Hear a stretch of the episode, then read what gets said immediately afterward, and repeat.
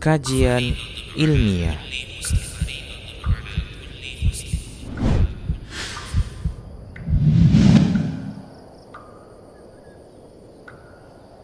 الله وبركاته إن الحمد لله نحمده ونستعينه ونستغفره ونعوذ بالله من شرور أنفسنا وسيئات أعمالنا من يهده الله فلا مضل له ومن يضلل فلا هادي له. أشهد أن لا إله إلا الله وحده لا شريك له. وأشهد أن محمدا عبده ورسوله. يا أيها الذين آمنوا اتقوا الله حق تقاته ولا تموتن إلا وأنتم مسلمون. يا أيها الناس اتقوا ربكم الذي خلقكم من نفس واحدة وخلق منها زوجها وبث منهما رجالا كثيرا ونساء واتقوا الله الذي تساءلون به والأرحام إن الله كان عليكم رقيبا يا أيها الذين آمنوا اتقوا الله وقولوا قولا سديدا يصلح لكم أعمالكم ويغفر لكم ذنوبكم ومن يطع الله ورسوله فقد فاز فوزا عظيما. أما بعد فإن أحسن الكلام كلام الله وخير الهدى هدى المصطفى محمد صلى الله عليه وسلم وشر الأمور محدثاتها فإن كل محدثة بدعة وكل بدعة ضلالة وكل ضلالة في النار معاشر المسلمين wal muslimat, para pemirsa Rasyad TV yang dimuliakan oleh Allah Tabaraka wa Ta'ala. Alhamdulillah kita senantiasa bersyukur kepada Allah Subhanahu wa taala. Pada kesempatan yang berbahagia ini dan kesempatan yang mulia ini Allah Tabaraka wa taala memberikan kita taufiknya bisa belajar, bisa mendengarkan ayat-ayat Allah Subhanahu wa taala, bisa juga mendengarkan petunjuk-petunjuk Nabi sallallahu alaihi wasallam. Kemudian tidak lupa juga kita mengucapkan salat dan salam bagi Rasul kita yang mulia, Nabi kita, Nabi besar, Nabi Muhammad sallallahu alaihi wa ala alihi wa sahbihi ajma'in. Para pemirsa yang dimuliakan oleh Allah Subhanahu wa taala. Tema kita pada kesempatan pagi yang berbahagia dan mulia ini demikian juga selanjutnya insyaallah taala akan kita ambil pada pertemuan yang pertama ini serial amalan pelebur dosa. Rasulullah Shallallahu Alaihi Wasallam telah bersabda dalam hadis yang diriwayatkan oleh Imam Ahmad dalam musnadnya. Kullu bani Adam khata. Semua anak Adam itu bersalah dan berdosa. Wa khairul khatta'ina tawwabun dan sebaik-baik yang bersalah itu adalah yang bertaubat kepada Allah Subhanahu wa taala. Kemudian juga Rasulullah sallallahu alaihi wasallam bersabda dari apa yang diriwayatkan oleh beliau dari Rabbul Alamin tabaraka wa taala. Qala Allah taala Allah azza wa jalla berfirman Man alima anni dhu qudratin ala maghfirati dhunub Barang siapa yang mengetahui aku maha kuasa untuk mengampuni seluruh dosa, ghafartu lahu. Yang mengetahui hal tersebut, maka ya aku akan ampuni dia. Wala ubali, aku tidak peduli. Malam yushrik bi syai'a, selama dia tidak berbuat syirik. Selama dia tidak menyekutukan aku Maka seorang hamba tidak pernah lepas dari dosa. Tidak pernah lepas dari kekurangan. Kecuali yang diselamatkan oleh Allah subhanahu wa ta'ala. Namun manusia itu dosanya bertingkat-tingkat, berkelas-kelas. Dan pokoknya adalah mereka memang berdosa.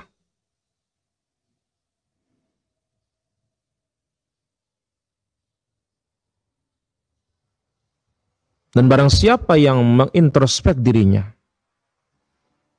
maka dia akan melihat bahwasanya dia penuh dengan dosa.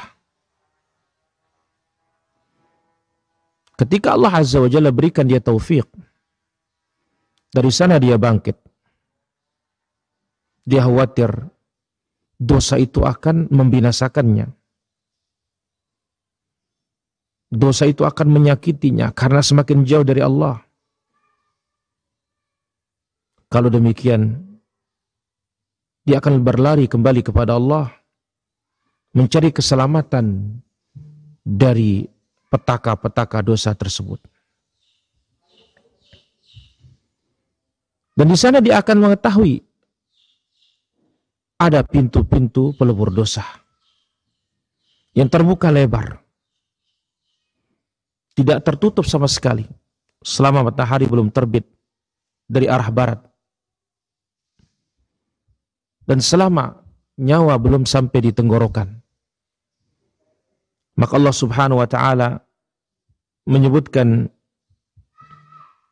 di dalam surat Az-Zumar pada ayat yang ke-53.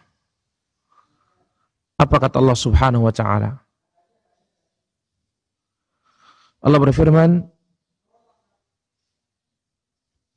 "Qul ya ibadiyalladzina asrafu ala anfusihim la taqnatu min rahmatillah. Innallaha yaghfiru dhunuba jami'a. Innahu huwal ghafurur rahim." Katakanlah hai hamba-hambaku, yang melampaui, batas terhadap diri mereka sendiri. Janganlah kalian putus asa dari rahmat Allah. Sesungguhnya Allah mengampuni dosa-dosa semuanya. Sesungguhnya dialah maha pengampun lagi maha penyayang.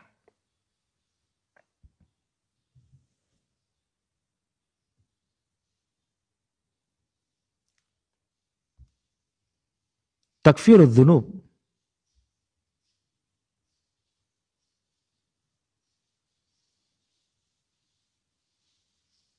Diampuninya dosa. Ini terbagi menjadi dua dileburnya dosa oleh Allah Subhanahu wa taala terbagi menjadi dua. Yang pertama al-mahu. Allah Azza wa Jalla hapus dosa itu semuanya. Tidak disisakan oleh Allah Subhanahu wa taala. Sebagaimana dalam sabda Nabi alaihi salatu wassalam, "Wa atbi'is sayyi'ata al-hasanata tamhuha." Iringilah, iringilah perbuatan buruk dengan perbuatan baik niscaya perbuatan baik itu akan menghapus perbuatan-perbuatan buruk tersebut. Ini dikatakan maqamul afu. Posisi memaafkan. Athani at-tabdil. Yang kedua, at-tabdil. Diganti posisi dosa itu dengan posisi pahala. Sebagaimana dalam suratul Furqan ayat yang ke-70, faulaika yubaddilullahu sayyiatim hasanat. Mereka itu akan dirubah keburukan-keburukan mereka menjadi kebaikan-kebaikan. Wa kana Allahu ghafurur rahima. Dan Allah Subhanahu wa taala Maha Pengampun lagi Maha Penyayang. Ini dikatakan maqamul maghfirah. Kalau sebelumnya dihapus, maka itu namanya maqamul afu. Kalau yang kedua diganti dari perbuatan salah digantikan dengan perbuatan baik, maka itu dikatakan al-maghfirah. Kalau direnungi, kedua bentuk pengampunan dosa ini kita temukan ada perbedaan yang sangat lembut. Al-maghfirah di sana ziyadat ihsan. Tambahan kebaikan dari Allah Subhanahu wa taala. Wa tafaddulin 'ala al-'afu dan ada lebihnya, bukan sekedar memaafkan. Dan tentu keduanya adalah khairun wa bushra. Baik dan kabar gembira. Maka oleh karena itu, kita berharap Allah subhanahu wa ta'ala memaafkan dosa-dosa kita, memaafkan kesalahan-kesalahan kita. Dan setelah itu, Allah subhanahu wa ta'ala gantikan dosa itu dengan pahala. Ini adalah maqamul maghfirah. Maqam maghfirah dan derajatnya tentu lebih mulia dan lebih tinggi. Amalan pelebur dosa.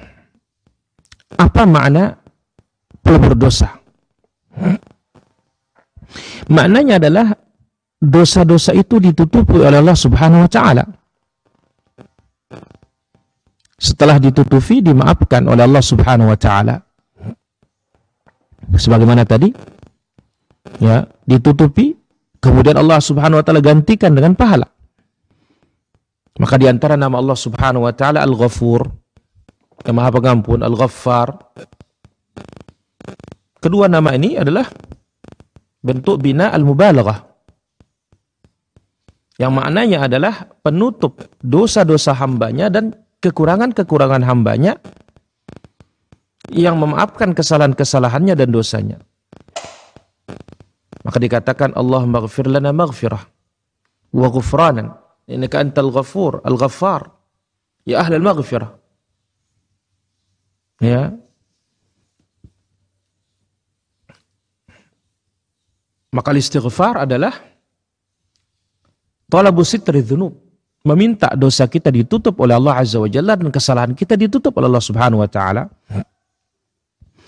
serta memaafkannya bil maqal wal fi'al dengan ucapan dan perbuatan. Waqad qila maka dikatakan al istighfaru bil lisan dunal fi'al fi'lul kadzabin. La ilaha illallah. Istighfar hanya dengan lisan tanpa perbuatan itu namanya perbuatannya orang-orang pendusta. Jadi istighfar itu ini perlu dicatat talabu sitri dzunubi wal uyub.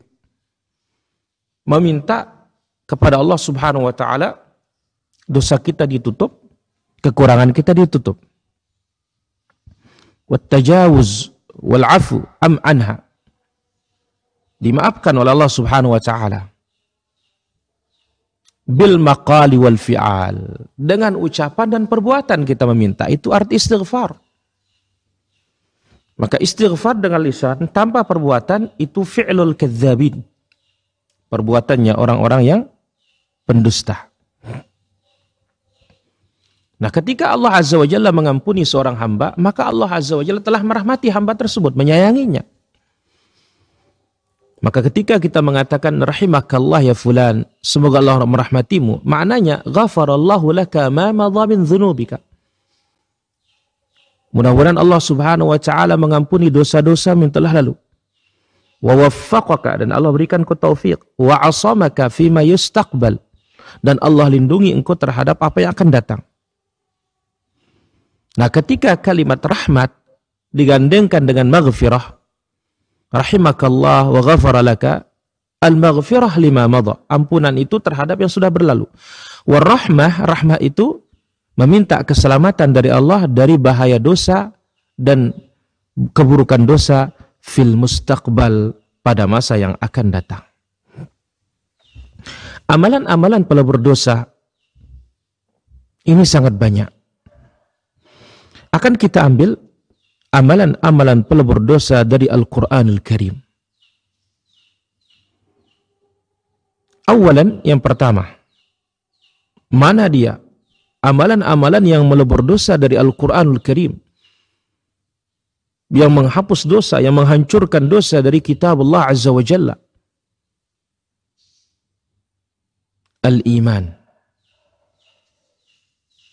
Tauhid. Wal amal salih. ittiba'u sunnah. Yukaffiru sayyi'at wa tughfar fihi bihi dhunub. Itu akan menghapus dosa kecil dan dosa-dosa besar. Allah Azza wa Jalla sebutkan di dalam suratul Ankabut ayat yang ketujuh. Wa amilus salihat lanukaffiranna anhum sayyiatihim wa lanajziyannahum ahsanal ladzi kanu ya'malun. Dan orang-orang yang beriman dan beramal saleh. Beriman tentunya bertauhid. Amal saleh tentunya di atas sunnah. Lanukaffiranna anhum sayiatihim. Kami akan hapus kesalahan-kesalahannya. Walanajziyannahum ahsanal ladzi kanu ya'malun dan kami akan balas mereka dengan balasan yang terbaik dari perbuatan mereka. Maka makna dari ayat ini sebagaimana dibawakan oleh Imam Abdurrahman bin Nasir Sa'di rahimahullah yakni anna alladhi manna alaihim bil iman wal amal salih orang-orang yang diberikan iman oleh Allah Azza wa Jalla, tauhid oleh Allah Azza wa Jalla dan amal saleh. Sayukaffirallahu anhum sayyiatihim. Allah Subhanahu wa taala akan hapus kesalahan-kesalahan mereka. Orang-orang yang beriman, orang-orang yang bertauhid, orang-orang yang mengamalkan amal saleh, orang-orang yang di atas sunnah, Allah hapus dosa-dosa mereka. Kenapa? Li'annal hasanati yudhibna sayiat.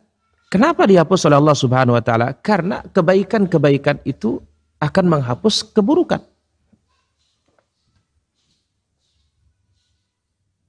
Dan dalam hadis Abu Dzar Al-Ghifari Jundub ibn Junadah dia bertanya ketika Nabi Shallallahu alaihi wasallam idza amilta sayyi'atan bersabda apabila engkau berbuat keburukan ya fa'mal ma'aha hasanah.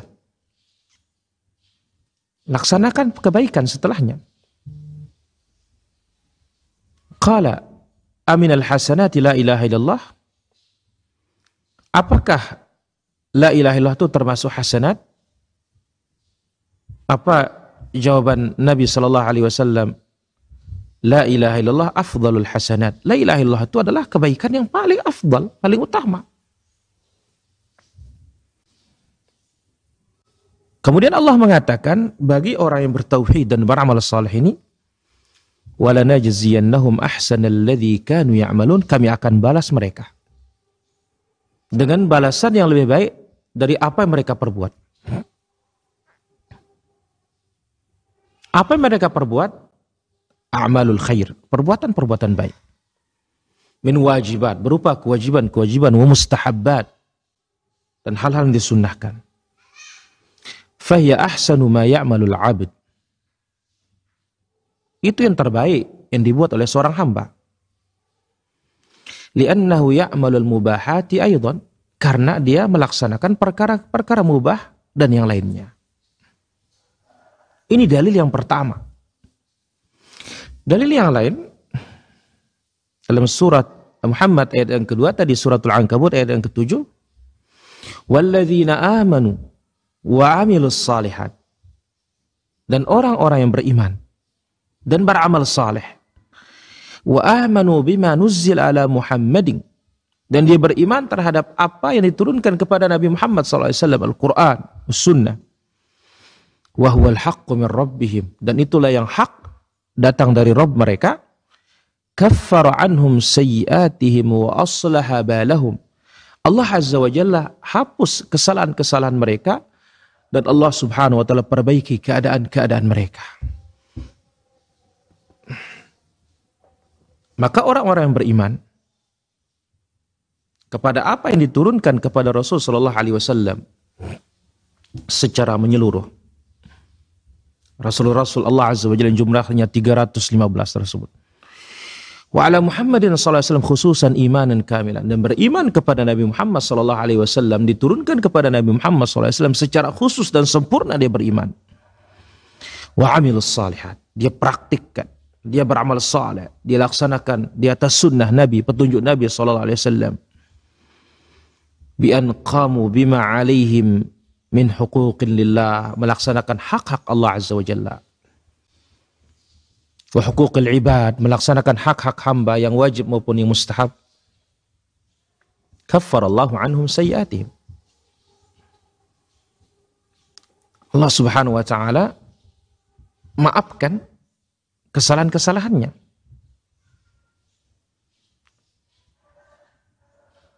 sigaraha wa kibaraha, yang kecil maupun yang besar, subhanallah. Wa aslaha balahum ya aslaha dinahum dan Allah perbaiki agama mereka. Allah perbaiki dunia mereka. Allah perbaiki hati mereka. Allah perbaiki amalan mereka. Allah perbaiki pahalanya dengan dikembangbiakkan oleh Allah. Disucikan oleh Allah. Dan diperbaiki seluruh perbuatannya dan keadaannya. Maka iman dan amal saleh ini benar-benar dia adalah nyawa kehidupan dunia dan kehidupan akhirat. Maka pantaslah rukun Islam yang pertama itu syahadatain. Asyhadu an la ilaha illallah wa asyhadu anna Muhammad Rasulullah. Syahadatu an la ilaha illallah ini adalah al-ikhlas. Al-iman. Wa asyhadu anna Muhammad Rasulullah ini adalah al-ittiba. Yaitu apa? Muhammad Rasulullah ittiba kepada Rasulullah sallallahu alaihi wasallam. Mengikuti petunjuk Nabi sallallahu alaihi wasallam. Dalil yang ketiga. Di dalam surah At-Taghabun ayat, ayat yang ke-9. Wa man yu'min billah Barang siapa yang beriman kepada Allah Azza wa Jalla. Wa ya'mal salihan dan beramal saleh. Yukaffir anhu sayiatihi. Allah subhanahu wa ta'ala yukaffir anhu sayiatihi. Dimaafkan kesalahan-kesalahannya.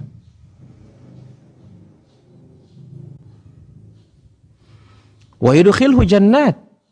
Kemudian Allah subhanahu wa ta'ala masukkan dia ke dalam surga. Tajri min tahti al-anhar. Taman-taman kebun-kebun yang mengalir di bawahnya sungai-sungai khalidina fiha abada kekal di dalamnya selama-lamanya. Dzalikal fawzul azim. Itulah keberuntungan yang sangat besar. Wa may yu'min billah imanan taman beriman kepada Allah azza wajalla dengan iman yang sempurna.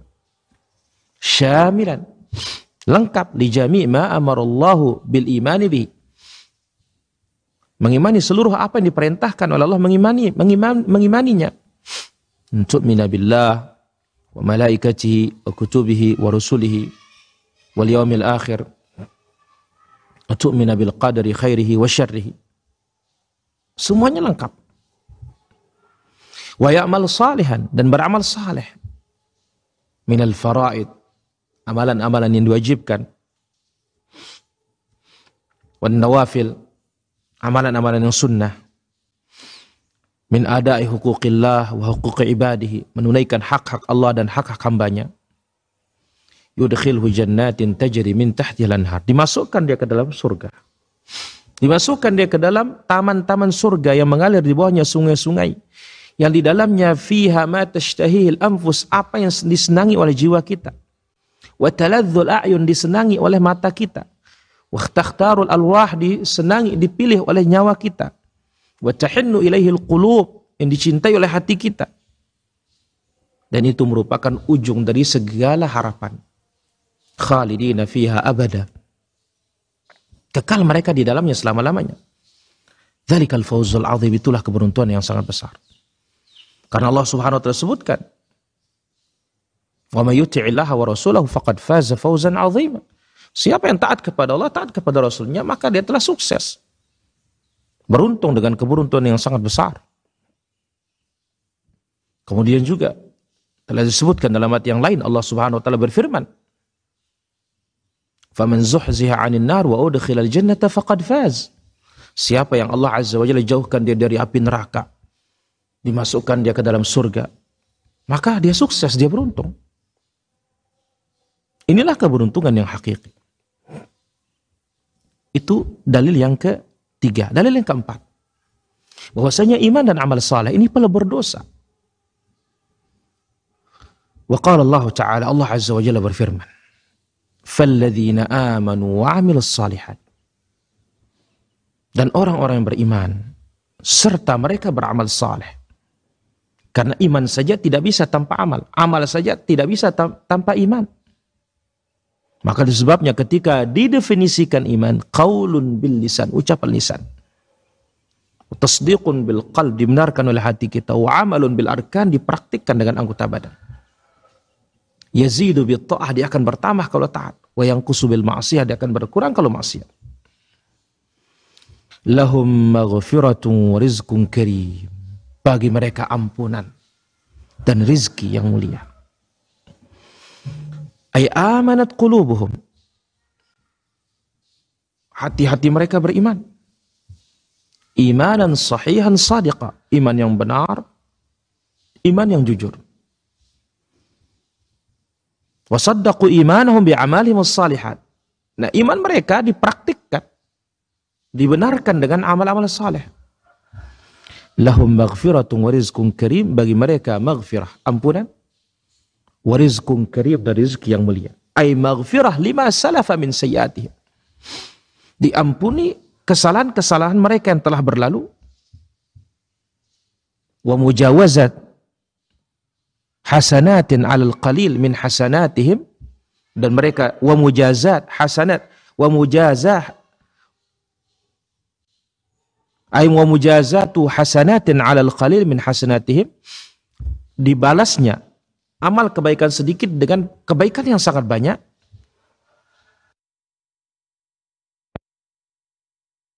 Abul Quradi rahimahullah berkata, "Idza sami'ta Allah yaqul" Apabila engkau mendengar Allah Subhanahu wa taala berfirman, "Rizqun karim, rizki yang mulia, fahuwal jannah." Maksudnya adalah surga. Jadi rizqun karim, rizki yang mulia adalah jannah Allah Subhanahu wa taala. Masya Allah, tabarakallah. Itu yang pertama. Yang kedua, amalan pelebur dosa yang datang dari, dari Al-Quranul Azim. As-sabru, sabar. Wal amal salih, dan beramal salih. Taghfiru bihi madzunub. Dengan keduanya Allah mengampuni dosa-dosa kita, melebur dan menghancurkan dosa-dosa kita, wa yudha'aful dan dilipat gandakan pahala kita. Apa kata Allah Azza wa Jalla? Illa alladhina sabaru. Kecuali orang-orang yang bersabar. Wa amilus salihah dan beramal salih. Ulaika lahum maghfiratun wa ajrun kabir. Bagi mereka. Ampunan dan pahala yang besar. Syekh Abdurrahman bin Nasir As-Sa'di rahimahullah berkata, "Alladzina sabaru anfusahum inda dharra." Sabar mereka ketika mendapatkan kemudaratan. Waktu miskin. Falam asu tidak putus asa. Wa inda sarra ketika kaya, ketika senang. Falam yabtaru, dia tidak sombong. Wa amilus salihat dan mereka terus beramal saleh. Min wajibatin wa mustahabbat yang wajib maupun yang sunnah. Ulaika lahum. Bagi mereka maghfiratan maghfiratun ampunan bagi dosa-dosa mereka dan Allah hilangkan segala apa yang mereka khawatirkan wa ajrun kabir dan pahala yang besar. Apa pahala besar? Al fauzu bi jannatin naim, sukses bisa masuk ke dalam surga yang penuh dengan kenikmatan. Yang di dalamnya seluruh apa yang disenangi oleh hati kita. Wa ayun dan apa yang disenangi oleh mata kita memandangnya sabar dan beramal saleh. Sabar habsun nafs, menahan diri kita untuk terus berbuat taat kepada Allah Subhanahu wa taala. menahan diri kita untuk terus menjauhi maksiat dan dosa. Kemudian sabar terhadap takdir Allah Subhanahu wa taala. Ketetapan-ketetapan Allah Subhanahu wa taala yang menyakitkan. Yang ketiga, al-iman wa taqwa. Iman dan taqwa. Tukaffir bihim dzunub Itu akan menghapus dosa. Akan membersihkan dosa, akan melebur dosa. Yaitu apa? Al-iman wa taqwa. Iman dan ketakwaan kepada Allah Subhanahu wa taala. Tentu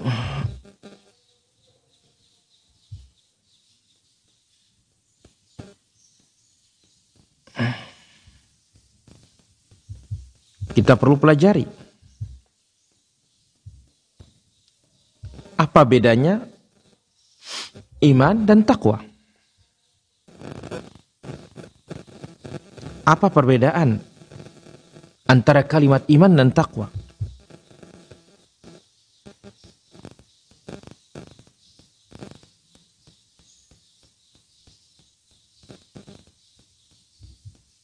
Karena sering sekali kita dengar ya penggandengan antara iman dengan takwa.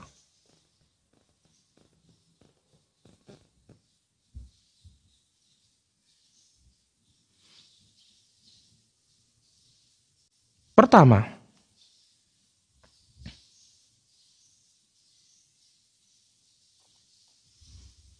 namanya takwa adalah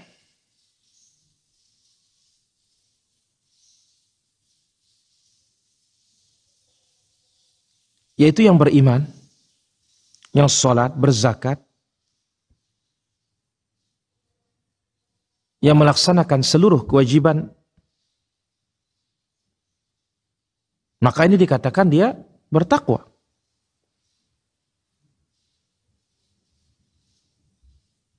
Adapun ketika disebut iman, maka itulah dia al-i'tiqadat al-batinah. Keyakinan-keyakinan yang ada dalam hati. Maka ini dia makna kalimat dari al-iman wa taqwa.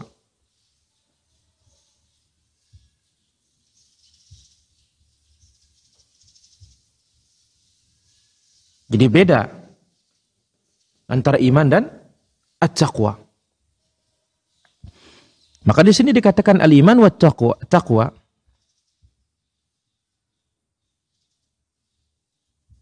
iman dan takwa.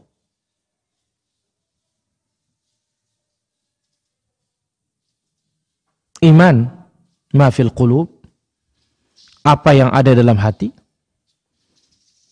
ya wa taqwa taqwa itu apa yang di luar direalisasikan terhadap apa yang ada di dalam Allah Subhanahu wa taala menyebutkan bahwasanya iman dan takwa ini adalah pelebur dosa. Di dalam suratul Maidah ayat yang ke-65, "Walau anna ahlal qura amanu wattaqau." Sekiranya penduduk suatu negeri beriman dan bertakwa, la kaffarna anhum sayyi'atihim. Kami akan hapus kesalahan-kesalahan mereka. Wal adkhalnahum jannatin na'im dan kami masukkan mereka ke dalam jannatun na'im. Ini merupakan bentuk kemurahan Allah kepada hamba-hambanya. Ketika telah menjelaskan keburukan ahlul kitab dan celaan mereka dan ucapan-ucapan batil mereka, mereka diajak bertaubat.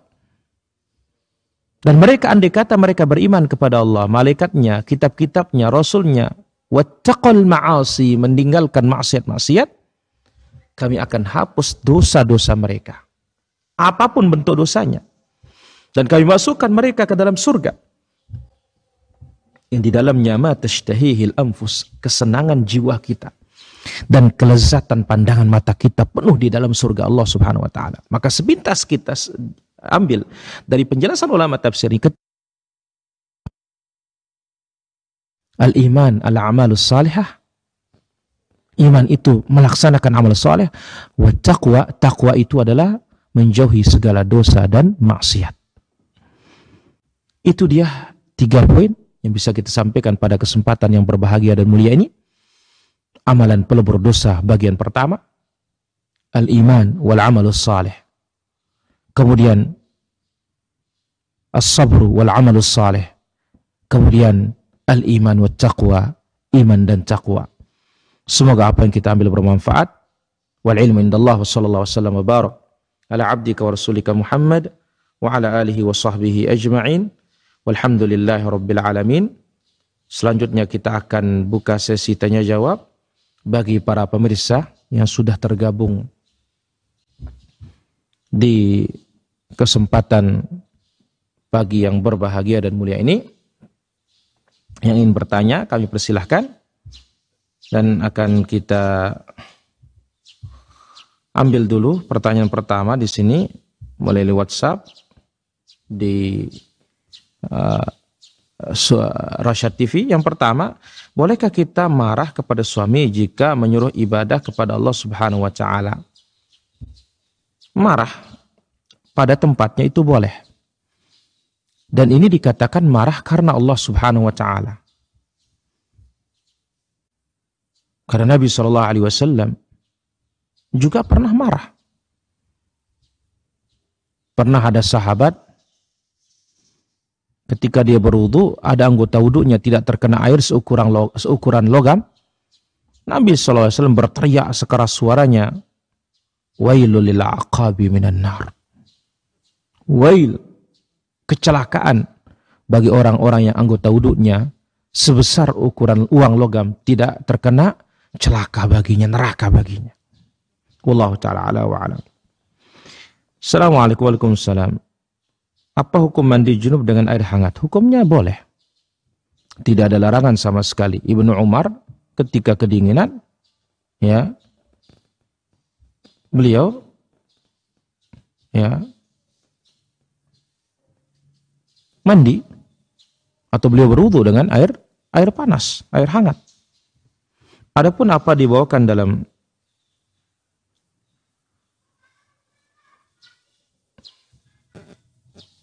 penjelasan fuqaha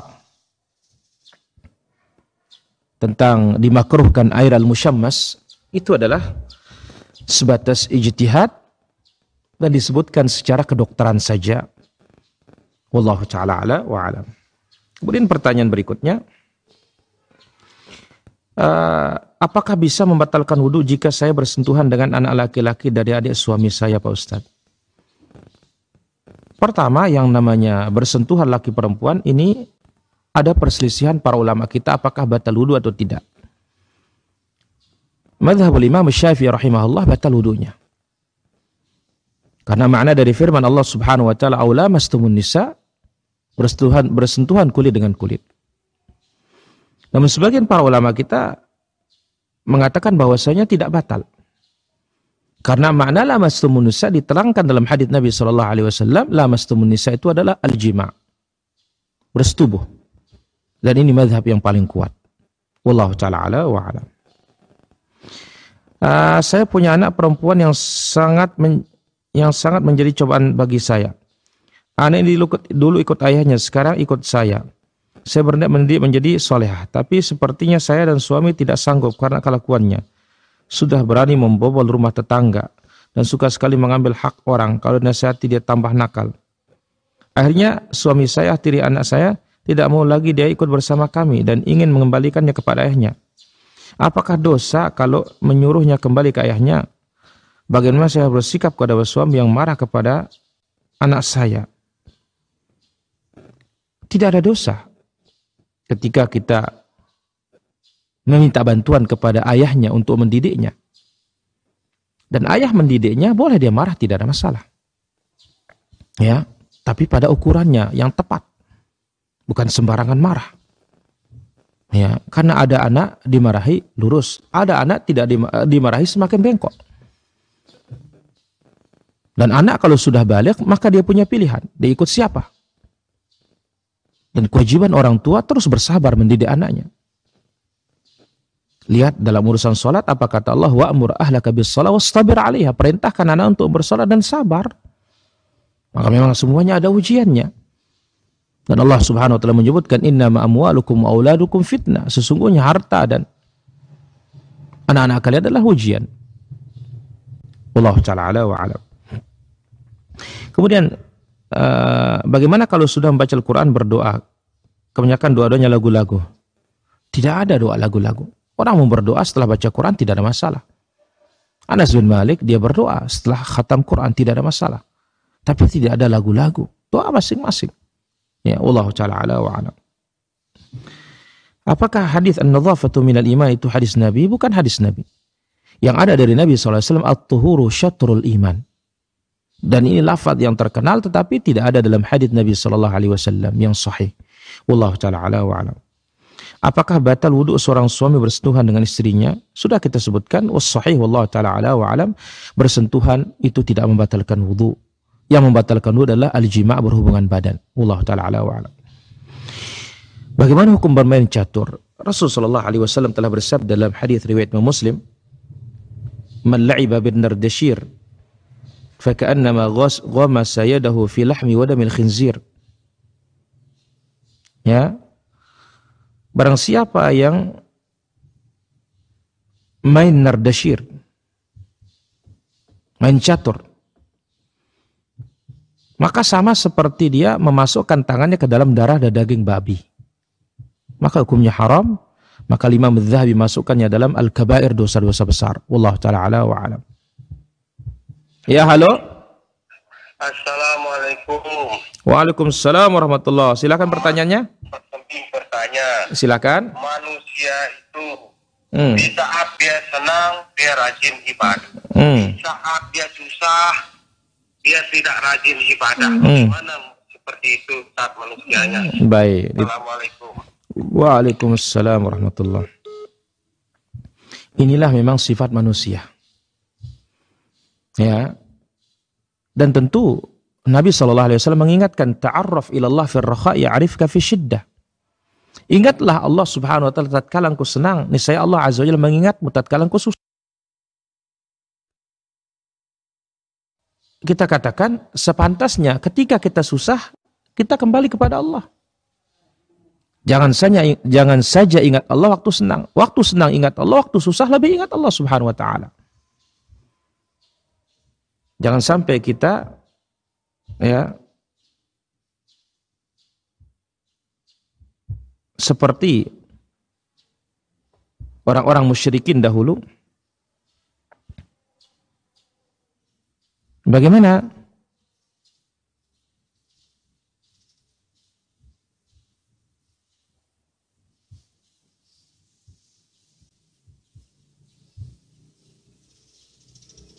Orang-orang terdahulu ketika mereka senang lupa Allah Azza wa Jalla. Ketika mereka susah baru ingat Allah Subhanahu wa taala. Nah, kita orang Islam tidak boleh seperti itu. Senang dan susah memang harus ingat Allah Subhanahu wa taala. Wallahu taala ala wa alam.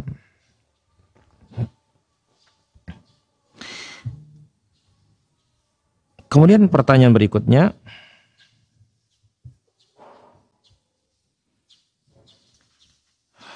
Suami saya seorang petani, jika berada di kebun, suami saya tidak melaksanakan sholat berjamaah, hanya sholat sendiri saja di kebun. Apa hukumnya sholat suami seperti itu? Kalau memang kebunnya sangat jauh, ya tidak ada masalah. Tapi kebunnya dekat, dia bisa pulang, maka dia berdosa. Nabi Shallallahu Alaihi Wasallam bersabda, "Man sami'an nida, falam yujib, fala salatalah." Siapa mendengar azan, lantas dia tidak menjawab, dia tidak datang, maka tidak ada salat baginya. Allah Taala ala wa alam. Apa benar kalau mau bersetubuh dengan istri harus berwudu lagi? Tidak. Yang tepat itu adalah ketika mau mengulangi. Ketika mau mengulangi, sudah yang pertama, kemudian mau ulangi, mengulangi yang kedua, bagusnya dia wudu kalau mau. Kalau tidak juga tidak ada masalah. Wallahu ta'ala ala wa alam. Kami persilahkan bagi para pemirsa Rasyad TV yang ingin bertanya, ya bisa melalui layanan WhatsApp. Demikian juga bisa melalui layanan interaktif ya baik yang di studio Rasyad TV maupun yang ada di uh, studio MKH TV di 0811 390110. Sekali lagi di 0811 390110. Ada satu pertanyaan di sini. Apakah boleh cucu saya dijadikan anak angkat sama adik kandung saya? Masalah angkat mengangkat boleh, tetapi tidak boleh disandarkan.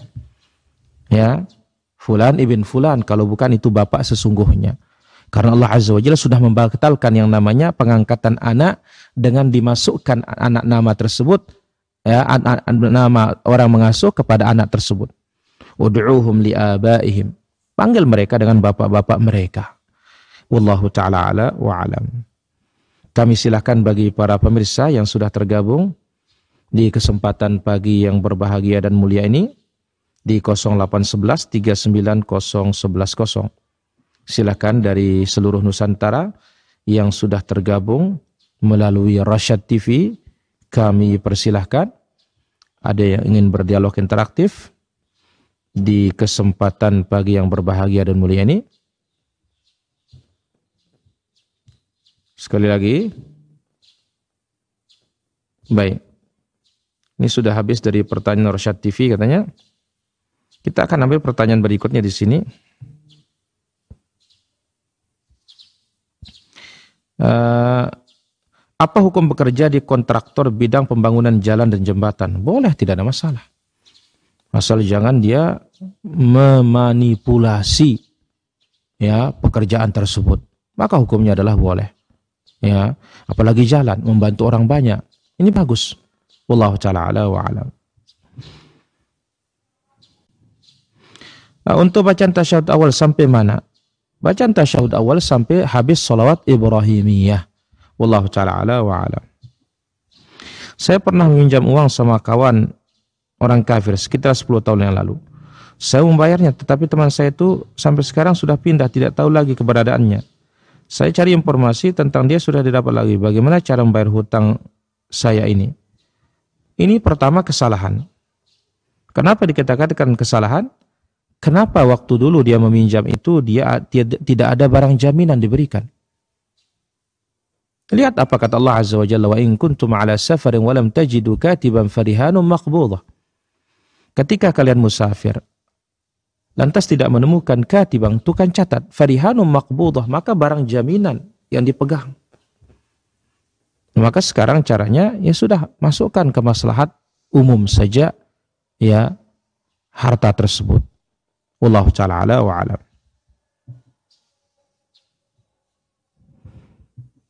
Bagaimana hukumnya apabila kita mengadakan dan menghadiri acara kenduri diniatkan silaturahmi? Tetap tidak boleh. Karena niat baik tidak merubah amalan itu menjadi baik. Beda amalan baik, mesti niatnya baik. Wallahu ta'ala ala wa alam.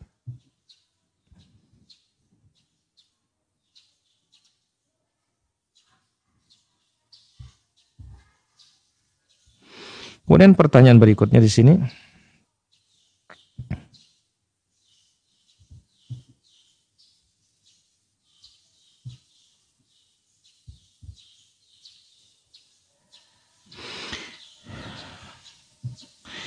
Apakah kita harus mengulang sholat kita karena selesai sholat kita merasa khawatir ada rakaat yang terlewatkan? Tidak perlu. Karena inilah bentuk dari was-was. Wallahu ta'ala ala wa alam.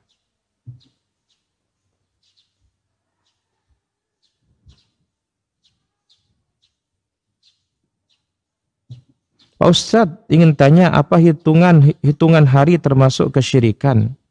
yang hitung-hitung hari ini hari baik, ini hari tidak baik. Inilah bentuk dari pesimis yang bagian dari kesyirikan. Allah Ta'ala ala wa alam.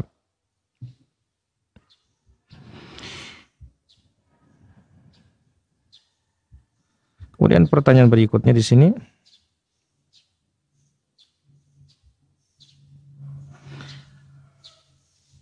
Apa bolehkah apa doa supaya cepat dapat jodoh? Tidak ada doa secara khusus supaya mendapatkan jodoh tersebut, tetapi memintalah kepada Allah Subhanahu wa taala dengan doa yang bisa kita lakukan. Wallahu taala ala wa alam. Baik, demikian para pemirsa Rasyad TV di mana pun berada, apa yang bisa kita ambil pada kesempatan pagi yang berbahagia dan pagi yang mulia ini. Semoga Allah Azza wa Jalla memberikan kita taufik atas apa yang kita ambil dan Allah Azza wa Jalla maafkan dosa-dosa kita, kedua orang tua kita dan seluruh kaum muslimin. Subhanakallahumma bihamdik, asyhadu an la ilaha illa anta astaghfiruka wa atubu ilaik. Wassalamualaikum warahmatullahi wabarakatuh.